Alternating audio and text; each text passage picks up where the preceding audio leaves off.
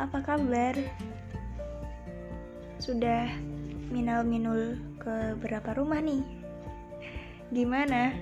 THR lancar? Kalau aku sih lancar, soalnya aku ngerasain tiap hari rindu. Maaf garing, skip. Tit.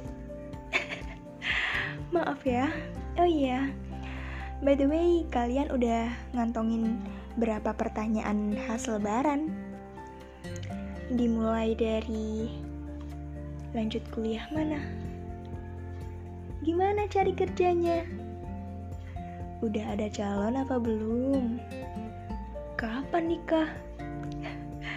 Esensi seperti apa sih yang kalian tangkep tiap dapat pertanyaan kayak gitu? Males kah? Bosen? Atau ada yang rasanya sampai mendidih mau marah tapi gak bisa?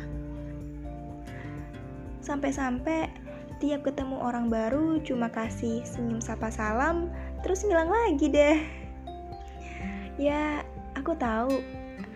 Pertanyaan semacam itu akan sangat sensitif untuk orang yang lagi menjalani sebuah proses. Harusnya mereka atau kita tahu kalau tiap orang pasti punya tujuan yang beda-beda. Gak bisa tuh disamain antara anak A dan anak Z.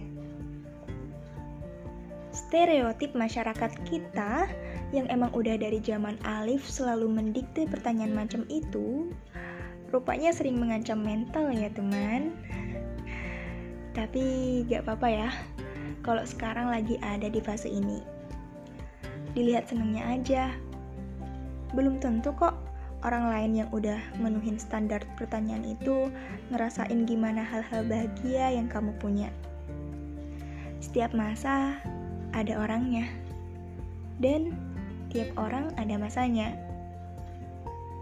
Sekarang wajib tuh kamu realisasikan kutipan itu pakai keyakinan di hatimu. Jadi, untuk orang-orang yang masih suka pertanyakan hal semacam itu, mulai sekarang udah ya.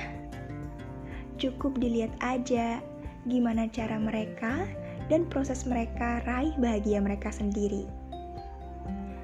Aku percaya kalau kamu bisa. Good things in time kok.